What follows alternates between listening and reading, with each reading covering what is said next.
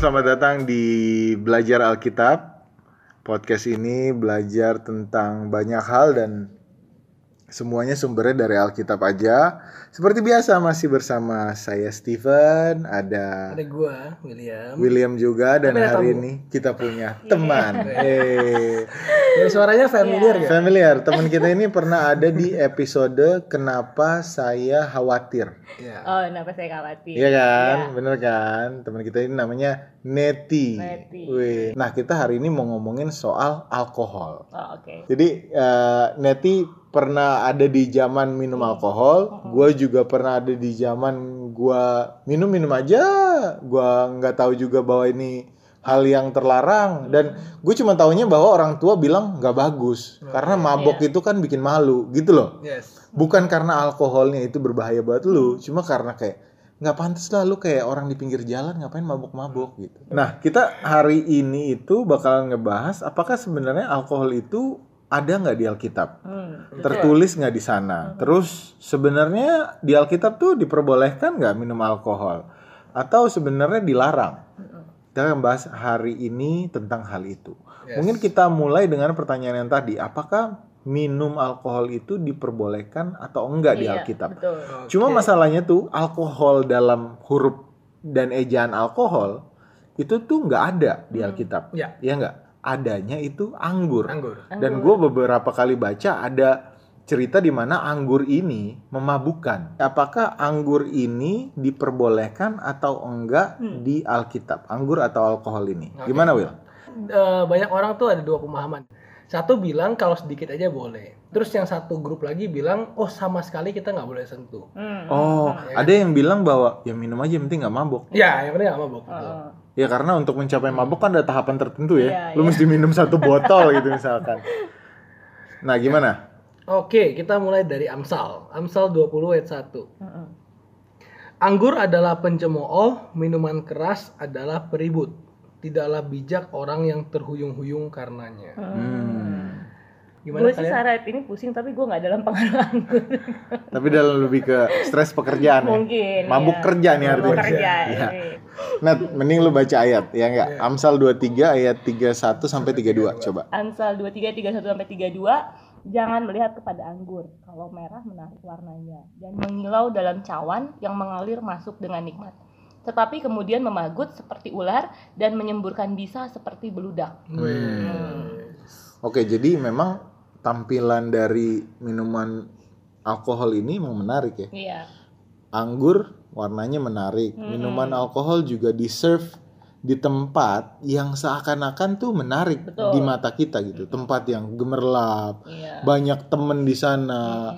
happy happy. happy happy Banyak kelihatannya musik. banyak musik dan ya inilah yang dibilang menarik tadi di sini dan kelihatan nikmat terus ya tapi dia sebenarnya memanggut seperti ular Dan kalau buat temen-temen yang bilang kok ini kan anggur, enggak sebenarnya kalau bahasa Inggris bilangnya wine. Oh, oke. oke ini berarti kita lebih kepada wine tapi nanti Hmm. kita juga akan bahas ini di dalam Alkitab apakah ceritanya soal anggur yang memabukkan semua Hmm. atau ada juga anggur yang buah anggur jus anggur gitu Hmm. nanti kita lihat dari ceritanya masing-masing nah Spoiler, sekarang spoiler. kita lihat di Ya saya. Yesaya 5 ayat 11 Oke. celakalah mereka yang bangun pagi-pagi dan terus mencari minuman keras dan duduk sampai malam hari sedang badannya dihangatkan anggur Hmm. Oke, ini biasanya udah jatuh ke karena gua sebelum gua ter apa namanya terkontradiksi eh, terkontradiksi. Terkontaminasi. Nah itu dia, thank you orang mabok Pengaruh anggur ya kadang terkontaminasi dengan alkohol. Hmm.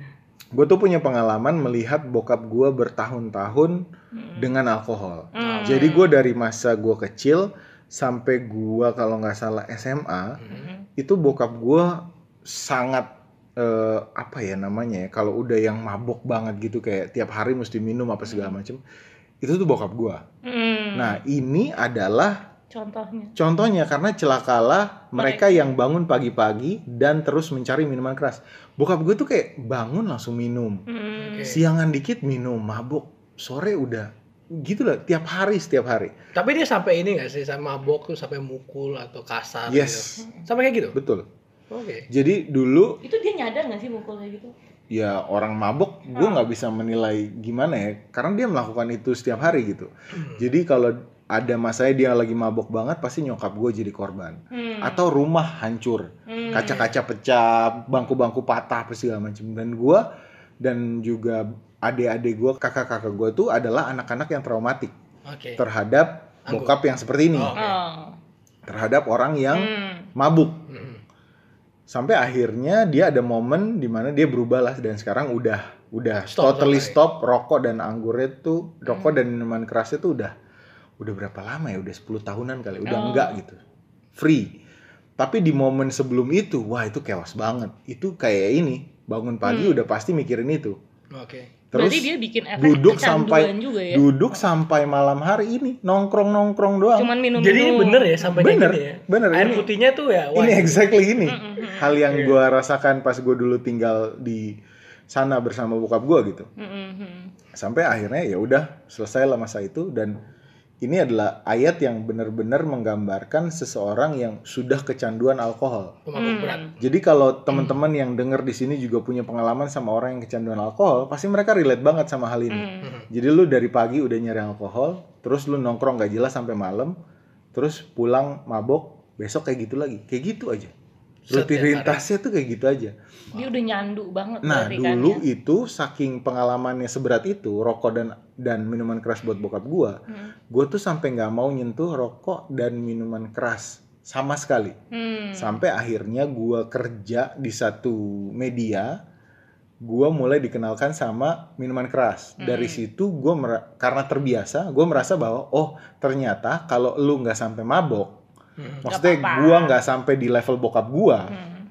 itu artinya gua belum merugikan orang. Hmm. Karena gue lihat yang merugikan orang adalah pada saat gue berada di level bokap gue. Yang kecanduan. Hmm, apa Mukul-mukul. celakain orang, Ah. bikin rusak rumah apa segala macem itu baru parah. Hmm. Kalau cuma minum doang dan gua diri gue sendiri ya udahlah gitu. Oh, Oke. Gue ada di tahap itu, tapi karena rokok dan alkohol itu gue sempet skeptis banget sama orang yang gokil nih orang tiap hari mabok eh ngapain sih hidupnya gitu. Hmm. Oh.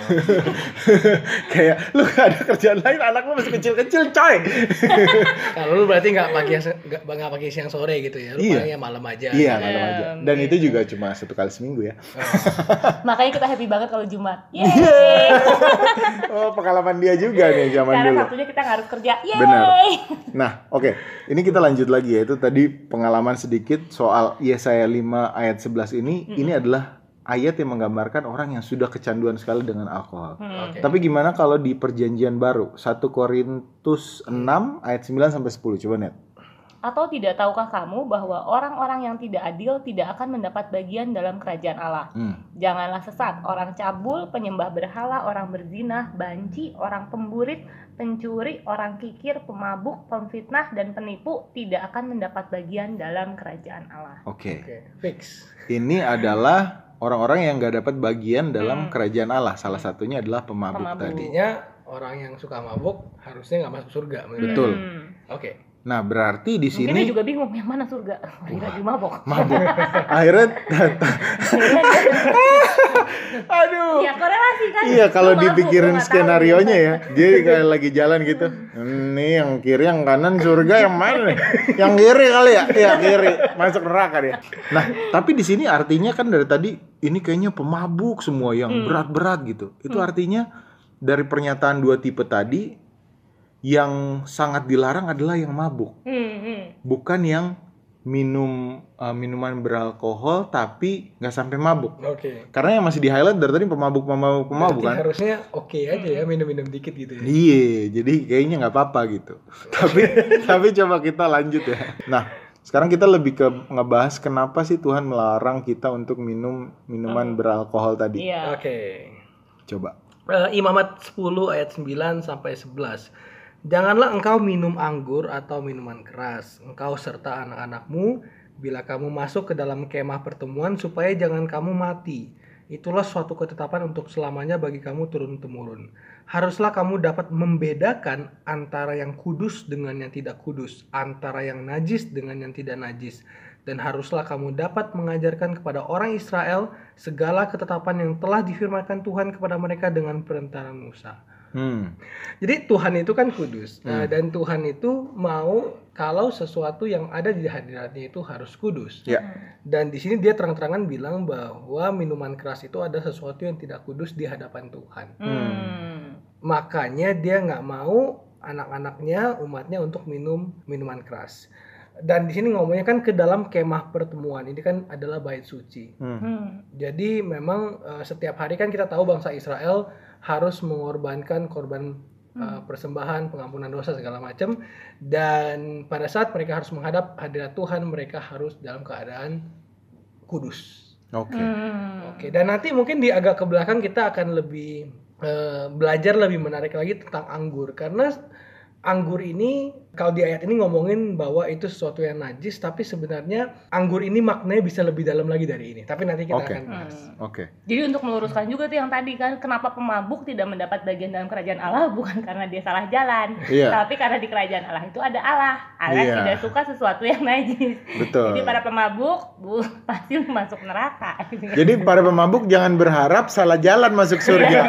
karena begitu lu masuk pun ada Allah yang tidak suka Nggak boleh. yang najis. Nggak boleh. Nggak cocok aja. Jadi karena alkohol itu suatu yang tidak suci, Dan sedangkan Allah itu suci de- di dalam kerajaannya ya nggak mungkin Mm. orang masuk ke dalam kerajaan surga. Jadi make sense ya kenapa pemabuk tidak mendapat bagian dalam kerajaan Allah. Make sense karena Allah sendiri nggak nerima, nggak mau gitu. Bahwa Tapi itu- masih belum menjawab pertanyaan kita. Mm-mm. Kalau nggak mabuk nggak apa-apa dong. Ah iya iya iya. Hmm, jadi kalau mau, aduh, jadi kalau abis minum dikit, ah, Nggak apa-apa. nggak mabuk, kerajaan surga masih diterima gitu kali ya. Coba ya kita lanjut lagi ya. Lanjut dulu, lanjut dulu. Menurut Alkitab, ini dampak apa yang didapetin sama orang yang minum alkohol atau anggur sampai mabuk? Oke. Di kejadian 9 ayat 21 coba net. Setelah ia minum anggur, mabuklah ia dan ia telanjang dalam kemahnya. Ini lagi ngomongin si Nuh. Hmm. Oke. Habis turun dari Batra dia bikin kebun anggur, tapi akhirnya dia mabuk. Habis itu kan dia telanjang dan dilihat sama anak-anaknya. Hmm, jadi ini sebenarnya mendatangkan pencobaan buat diri sendiri tapi juga buat orang lain ya. Iya. Jadi kalau udah mabuk itu memang nggak ngerasa apa-apa ya. Ya, gue juga pernah sih waktu itu Mabuk tuh lose control ya. Lu Iya. pernah nggak mabuk sampai kayak Iya, gua nggak tahu gue di mana? Ya, tapi lu juga hilang ya hilang hilang Kesadaran. memori sih. Tiba-tiba lu Apa jadi yang terjadi Apa yang gitu. terjadi nih? Kok gue bangun-bangun udah begini Apa gitu yang di kan. apa yang terjadi tadi malam? Iya, apa yang yang terjadi malam pada saat itu. mabuk itu gitu ya? hilang kesadaran. itu mabuk kan. ekstrim udah itu. Iya, Ya, iya, itu iya, ekstrim, iya. kan. Ya, jadi Tapi- mungkin kenapa dia bisa dilarang juga karena ya itu tadi yang lu bilang kan mendatangkan percobaan bukan bagi diri sendiri tapi orang lain. Itu orang lain yang lihat wah ini anak lagi mabok nih. kan. Bisa nih. Bisa nih. gitu. Gampang nih karena mabok hilang kesadaran gitu kali ya. Nggak inget apa-apa gitu Oke, kan. lanjut ke kejadian 19 ayat Tiga tiga. 33. Silakan. Pada malam itu mereka memberi ayah mereka minum anggur, lalu masuklah yang lebih tua untuk tidur dengan ayahnya dan ayahnya itu tidak mengetahui ketika anaknya itu tidur dan ketika ia bangun. Ini ngomongin tentang Lot Hmm. Ya, eh, benar. keluar terus mereka di goa. Hmm. Habis itu mulai deh anak yang tertua eh, punya ide-ide kayak gini. Dan Inisiatif. akhirnya bikin anak bapaknya mabok Hmm. dan akhirnya terjadi hal-hal yang tidak sepatutnya terjadi. Benar. Hmm.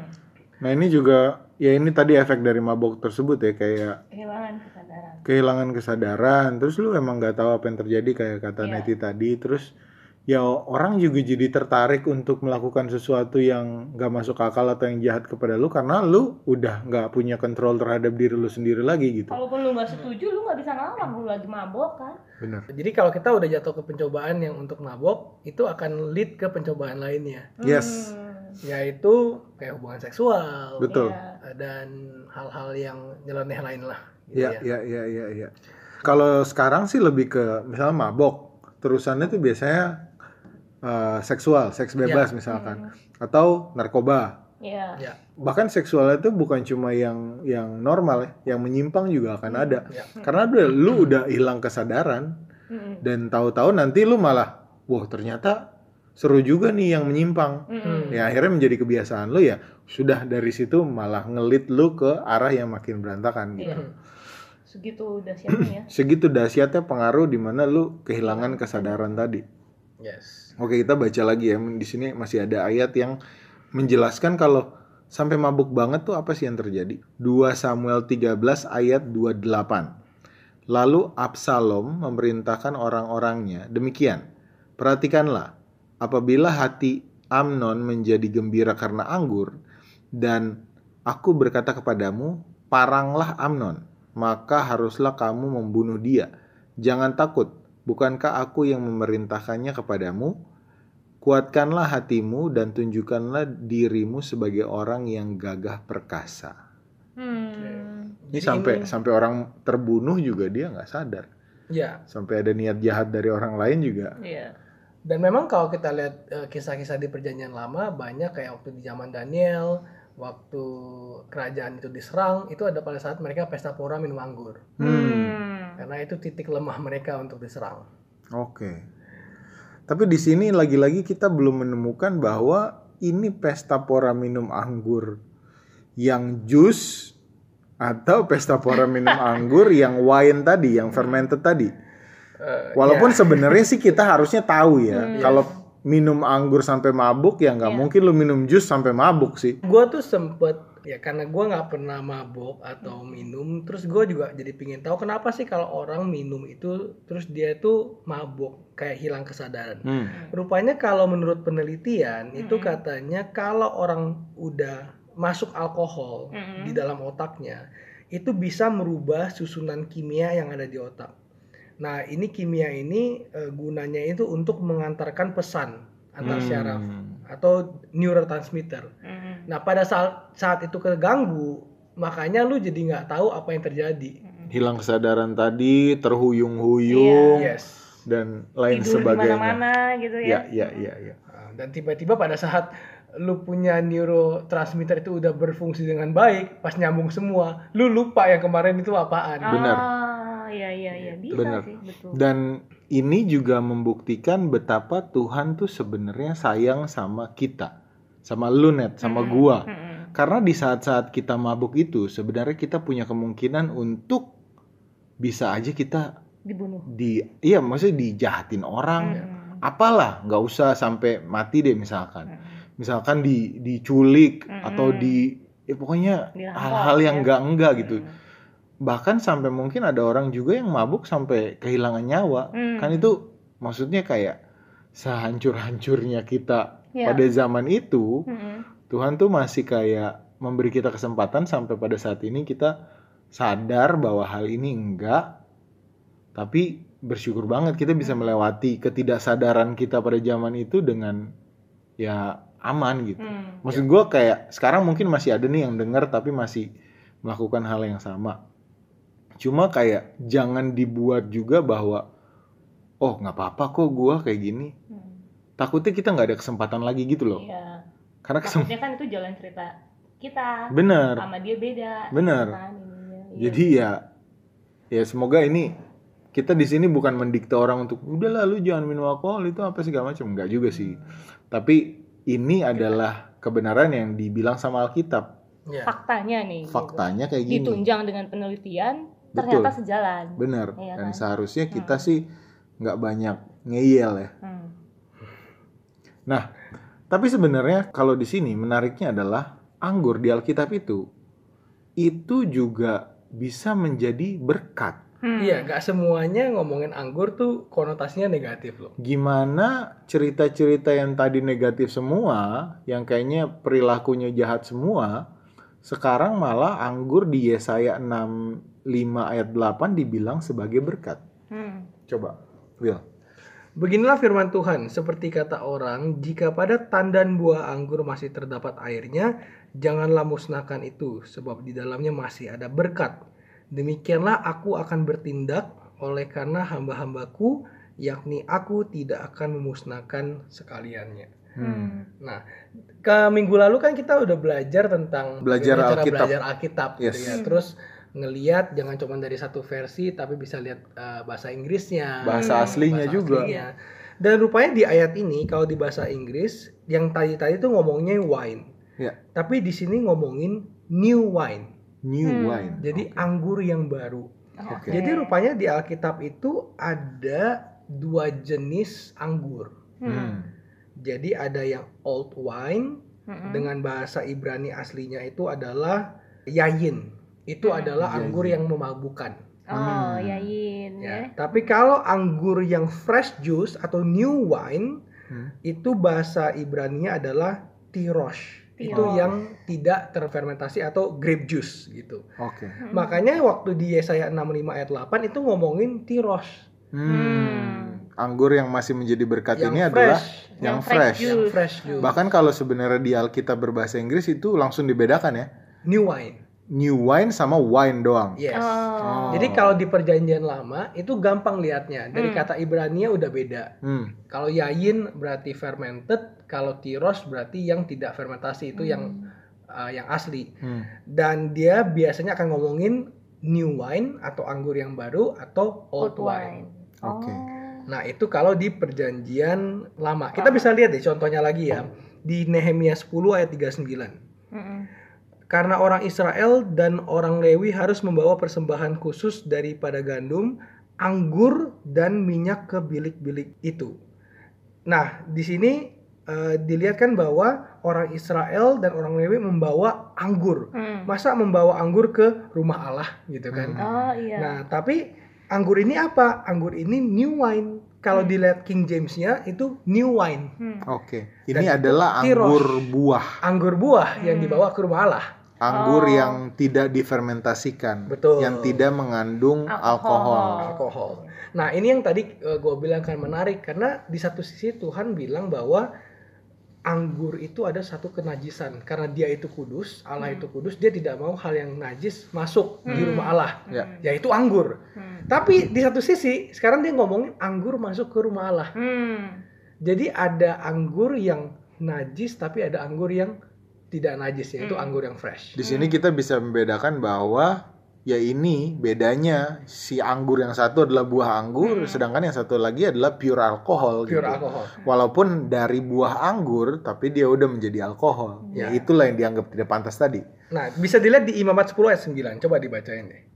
Imamat 10 ayat 9. Janganlah Janganlah engkau minum anggur atau minuman keras, engkau serta anak-anakmu, bila kamu masuk ke dalam kemah pertemuan, supaya jangan kamu mati. Itulah suatu ketetapan untuk selamanya bagi kamu turun-temurun. Nah, Hmm. kalau bahasa Inggrisnya dia ngomongin strong drink Strong atau drink. wine doang gitu. Hmm. Hmm. Dan itu kalau lihat bahasa Ibraninya itu adalah yayin. Hmm. Yang ada alkoholnya. Ya. Sama-sama ngomongin rumah Tuhan, tapi yang satu bawalah anggur yang pure ke rumah Tuhan, satu lagi ngomongin jangan pernah bawa anggur ke rumah Tuhan Hmm. atau yayin gitu. Oke. Ini juga bisa jadi ini juga buat kita ya maksudnya lebih teliti gitu. Hmm. Karena dalam bahasa Indonesia itu nggak ada perbedaannya. Iya. Ya. Dua-duanya ditulis anggur gitu dan kita merasa bahwa selama ini kita minum wine artinya oh mungkin ini adalah anggur yang ada berkatnya tadi Hmm. Hmm. atau kita bahkan berpikir bahwa oh kita minum yang mana ya? Ini Ya. anggur yang mana ya? Apakah ada apakah anggur di Israel sana ada berkatnya sedangkan anggur yang di sini nggak ada berkatnya? Jadi bingung. Hmm. Makanya kita mesti dik lebih dalam kayak dari soal bahasa aja. Sebenarnya dari bahasa Inggrisnya aja udah bisa dijelasin bahwa satu wine, New satu wine. new New wine. wine. New wine itu adalah buah Segar yang baru diperas. segar yang baru diperas gitu, jus anggur gitu. Nah, tapi kita masih belum jawab nih. Em, tapi minum dikit boleh nggak sih? Nah, Gitu kan. Hmm. Yang penting gua nggak mabok gitu. Memang ya pas gua ke rumah Tuhan ya gua nggak minum. Tapi nanti keluar dari rumah Tuhan ya gua minum. Minum Gitu lagi. kan? dikit-dikit lah. Ya. Kalau nggak aus kata dia. Lah, Cara paling bagus ya kita lihat seorang di Alkitab yang bisa dicontoh, yes. yaitu umat Tuhan, yaitu Daniel. Oke. Nah, Daniel 1 ayat 8. Daniel berketetapan untuk tidak menajiskan dirinya dengan santapan raja dan dengan anggur yang biasa diminum raja. Ah. Lalu dimintanyalah kepada pemimpin pegawai istana itu supaya ia tidak usah menajiskan dirinya. Di sini bahkan sebenarnya kelihatan nih bahwa ada bedanya. Dia tidak mau eh, apa tadi menajiskan dirinya dengan santapan raja dan dengan anggur yang biasa diminum raja. Ya. Jadi anggurnya tuh ada jenis yang lain. Hmm. Ya. Yang biasa diminum raja dia nggak mau. Hmm. Dan Karena- kalau lihat bahasa Ibraninya itu apa? Yayin, itu Hmm. yang fermented Yang grape. bisa bikin mabok. Ya. Dan kita lihat ini kan ceritanya Daniel dan orang-orang Israel lainnya ditangkap, ditawan, Mm-mm. lalu mereka itu terpilih karena mereka itu dianggap eh, posturnya bagus dan pintar, mereka mau dilatih jadi petinggi-petinggi atau pengurus di kerajaan Babylon. Ya. Dan kita di sini lihat bahwa sedikit pun si Daniel nggak mau cicipin. Kalau dia pernah nyicipin atau dia pernah itu, ya udah minum aja. Hmm. Toh nggak ada di situ semua juga pada minum kok. Ya. Tapi kok cuma Daniel dan ketiga temannya Sadrak, Mesak, Abednego yang nggak mau minum santapan raja Hmm. dan nggak mau minum anggurnya. Jadi kita lihat di sini bahwa dia betul-betul menjaga kekudusan, nyicip pun dia nggak mau. Yes. Oke. Tuh. Iya sih. Berarti ini udah menjawab bahwa anggur yang mana nih yang nggak boleh? Ya yang wine, yang ada kandungan alkoholnya. Yang bisa memabukkan. Betul. Kalau anggurnya jus, ya nggak apa-apa, minum aja, makan aja buah jus, eh Iya. buah anggur gitu. Jadi dengan kata lain Daniel berkata minum dikit atau banyak sama-sama salah nggak boleh Sama-sama nggak bisa salah. diterima gitu kan. Soalnya dia nggak mau minum sama sekali. Iya dia nggak minum sama sekali. Oke, Make sense. make sense. Oke. Berarti ini udah menjawab bahwa ya kalau minum alkohol dikit aja kak, nggak mabok kak, nggak apa-apa nggak, nggak boleh, Iya nggak boleh. nggak boleh, fix.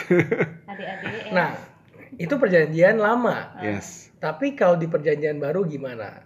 Soalnya apakah dibedakan juga gitu ya?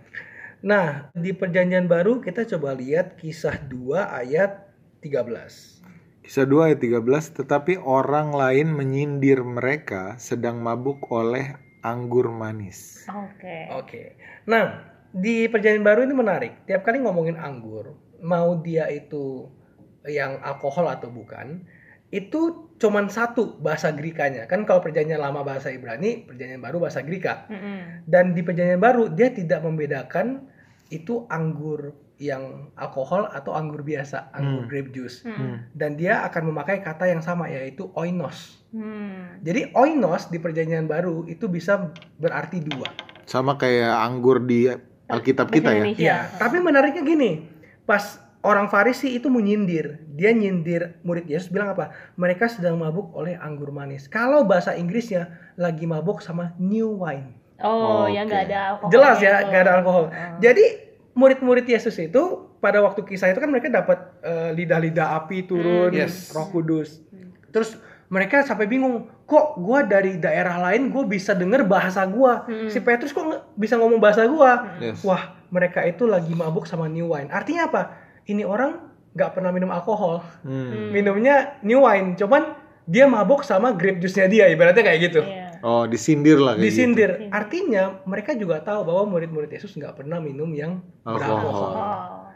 Tadi di- Oke. Daniel di perjanjian lama, murid-murid Yesus di perjanjian baru. Kalau mereka pernah nyicip aja atau pernah minum ketahuan, pasti bukan gini sindirannya. Hmm. Hmm. Ini saking terkenalnya mereka nggak pernah minum anggur yang mabukan. Jadi, Makanya disindir, Disindir. lu minum jus saya mabok gitu lah. kurang gitu kali ya. gitu. Iya. Ya elah pada gila banget nih murid Yesus minum jus saya mabok gitu kali ya. Oke. Mereka nggak tahu Roh Kudus. Iya, benar. Oke. Oke. Nah, ini kita mau baca eh, dua ayat lagi. Mm-mm. Ada di 1 Korintus 10 ayat 31.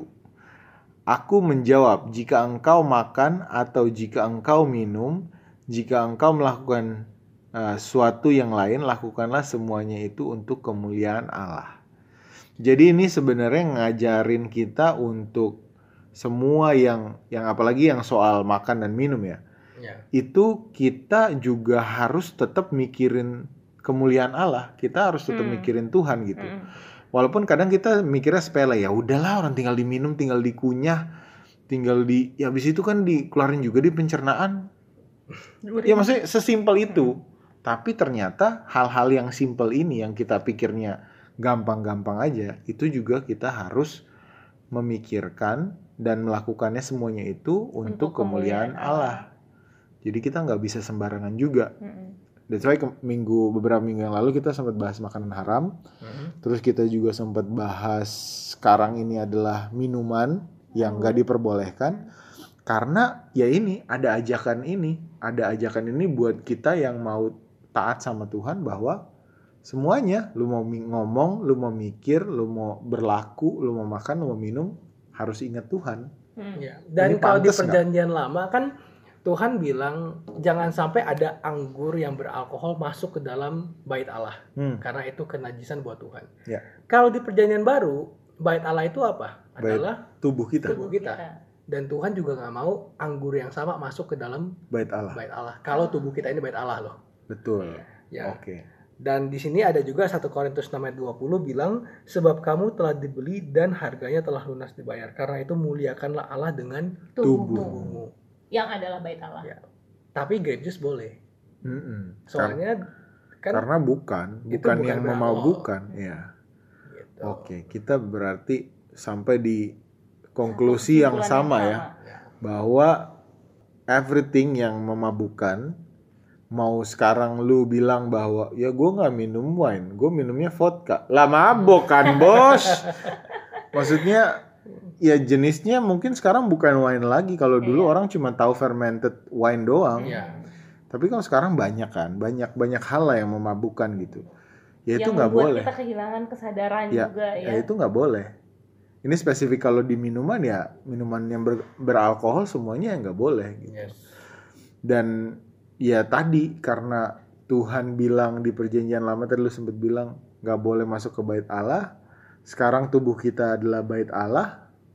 Ya harusnya jangan dimasukin lah hal-hal yang nggak sesuai gitu. Ya. Jadi minum dikit pun nggak boleh. Nggak boleh. Kan bait Allah. Bener kayak makan haram segigit pun Mm, Ya, nggak boleh juga.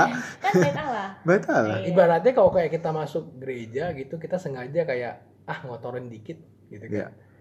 Tapi ya kalau kita bisa mikir kayak gitu, pasti kita pikir kok kalau tubuh kita Allah, masa gue mau sengaja ngotorin ini? Hmm. Bener. Padahal Tuhan udah bilang jangan. Nah, sebenarnya masih ada sedikit pertanyaan. Karena di minggu depan kita akan ngebahas kisah-kisah di mana orang tuh biasanya berargumen soal alkohol. Hmm. Di mana ada cerita-cerita kayaknya nih Tuhan Yesus yang malah nyuruh orang minum alkohol Mm. atau Tuhan Yesus yang yang bikin anggur kayak gitu-gitu loh. Ya. Malah Paulus menarik, bilang menarik. boleh gitu kan. Paulus juga bilang boleh minum anggur gitu. Nah ini tapi nanti kita akan bahas minggu depan eh, dari cerita-cerita yang kayaknya menguatkan bahwa ya udah sih mabuk nggak apa-apa. Kayak waktu itu kita bahas soal makanan ada juga kan argumen soal nggak apa-apa kok makan makanan yang haram. Ya. Tapi kita bisa jawab dari Alkitab. Alkitab. Nah nanti minggu depan kita akan bahas lagi lebih dalam soal alkohol ini. Tapi sebenarnya ya kalau teman-teman udah pegang nih, udah tahu bahwa ada apa namanya new, New wine. wine sama wine doang, itu aja udah beda. Ya. Hmm. Satu wine yang fermented, satu buah anggur gitu. Hmm. Jadi harusnya udah tahu sih. Tidak perlu Ting- itu lagi. Tinggal tinggal nanti kisah-kisah ini tinggal diartiin aja bahwa artinya nih wine yang mana nih kisah Ya. yang ini? Apakah new wine atau fermented wine gitu? Mhm. Jadi kita perlu ya podcast. Perlu Perlu podcast Demi minggu depan. ya. minggu depan. Demi orang nggak banyak alasan. Ah, Oke. ya. Karena kan kayak zaman dulu gue sebenarnya tahu bahwa eh, misalkan gue ngapain ya, misalkan eh, nonton porno. Mm-mm. Gue tahu nonton porno itu hal yang salah. Tapi gue selalu beralasan dalam diri gue bahwa Ah, ada kok ayatnya. nggak nggak ada nggak ada nggak ada, ya. nggak ada ayat nonton porno. Eh, dia. ada. Ada Ada. tentang nonton porno. Ya, dia nggak bilang nonton porno, cuman dia bilang mata kita nggak seharusnya melihat apa Nah. yang memandang satu wanita lalu pingin dan sebagainya itu Iya, kan udah sama aja. Itu kan larangan ya tan. Next konten, next Iya. konten, next Iya, iya, konten. Dicatat, Jangan spoiler dulu dong. ya gitulah pokoknya. Tapi kadang kita suka beralasan sama apa yang sebenarnya kita tahu tuh nggak boleh. Iya. Makanya kita pengen gali lebih dalam dari Alkitab dan jawabannya semua dari Alkitab supaya ya lu mau cari jawaban dari mana lagi kalau lu mengaku lu percaya sama Tuhan Yesus gitu. Hmm. Dan supaya mendukung podcast belajar Alkitab. Bener. Namanya juga belajar Disponsori Alkitab. oleh Alkitab. Disponsori oleh Tuhan. Amin. Amin. Amin. Oke. Terima kasih Neti. Eh minggu depan diajak lagi dong. Minggu depan ajak lagi ya. Wih. Yang yang versi banyak cerita dia di kayaknya kalau topik-topiknya kayak gini dia pingin gitu kayak Versi mabok-mabok ya. Versi versi nonton porno nanti kita ajak. dia. mabok-mabok, nonton porno, semua Oke. tindakan. Tindakan yang Padahal negatif kalian negatif. udah tahu kan jangan membunuh. Ini membunuh karakter gua.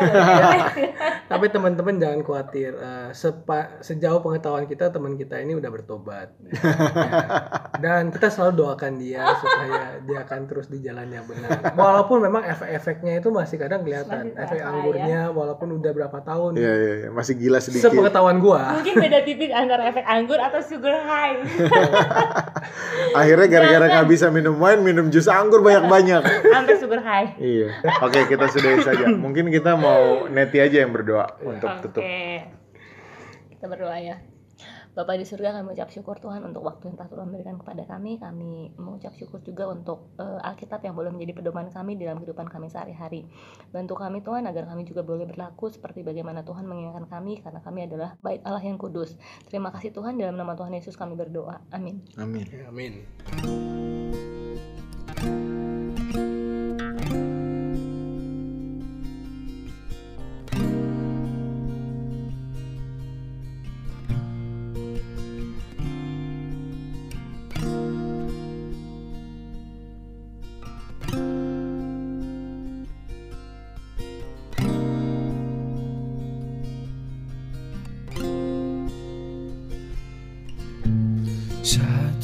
Hal yang ku rindu. Berdiam di dalam rumahmu Satu hal yang ku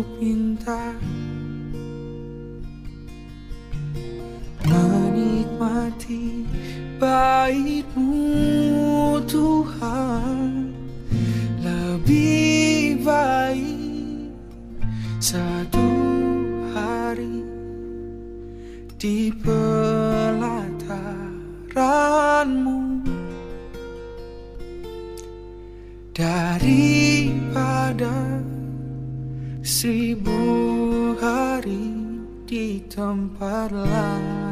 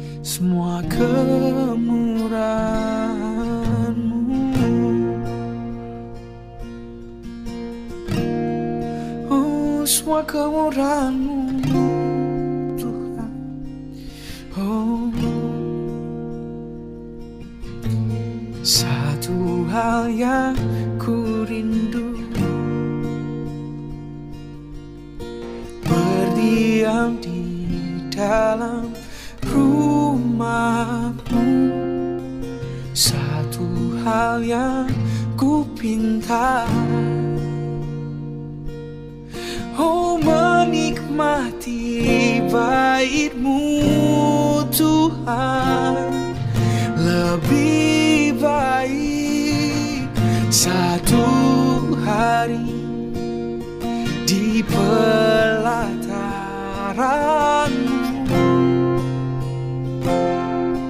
Daripada seribu hari di tempat lain.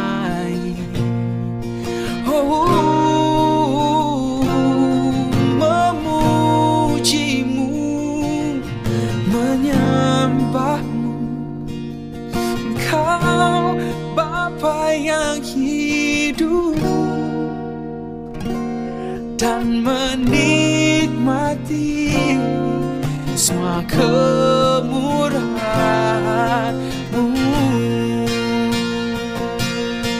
Oh, hanya dalam pelukanmu, Tuhan. Oh, ku merasakan kepuasan yang lebih dari dunia. Hanya Kau yang mampu mengisi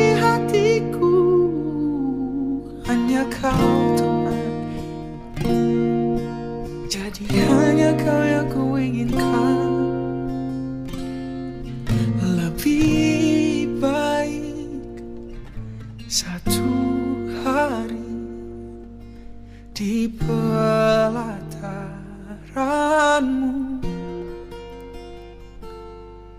Daripada Seribu hari di tempat lain.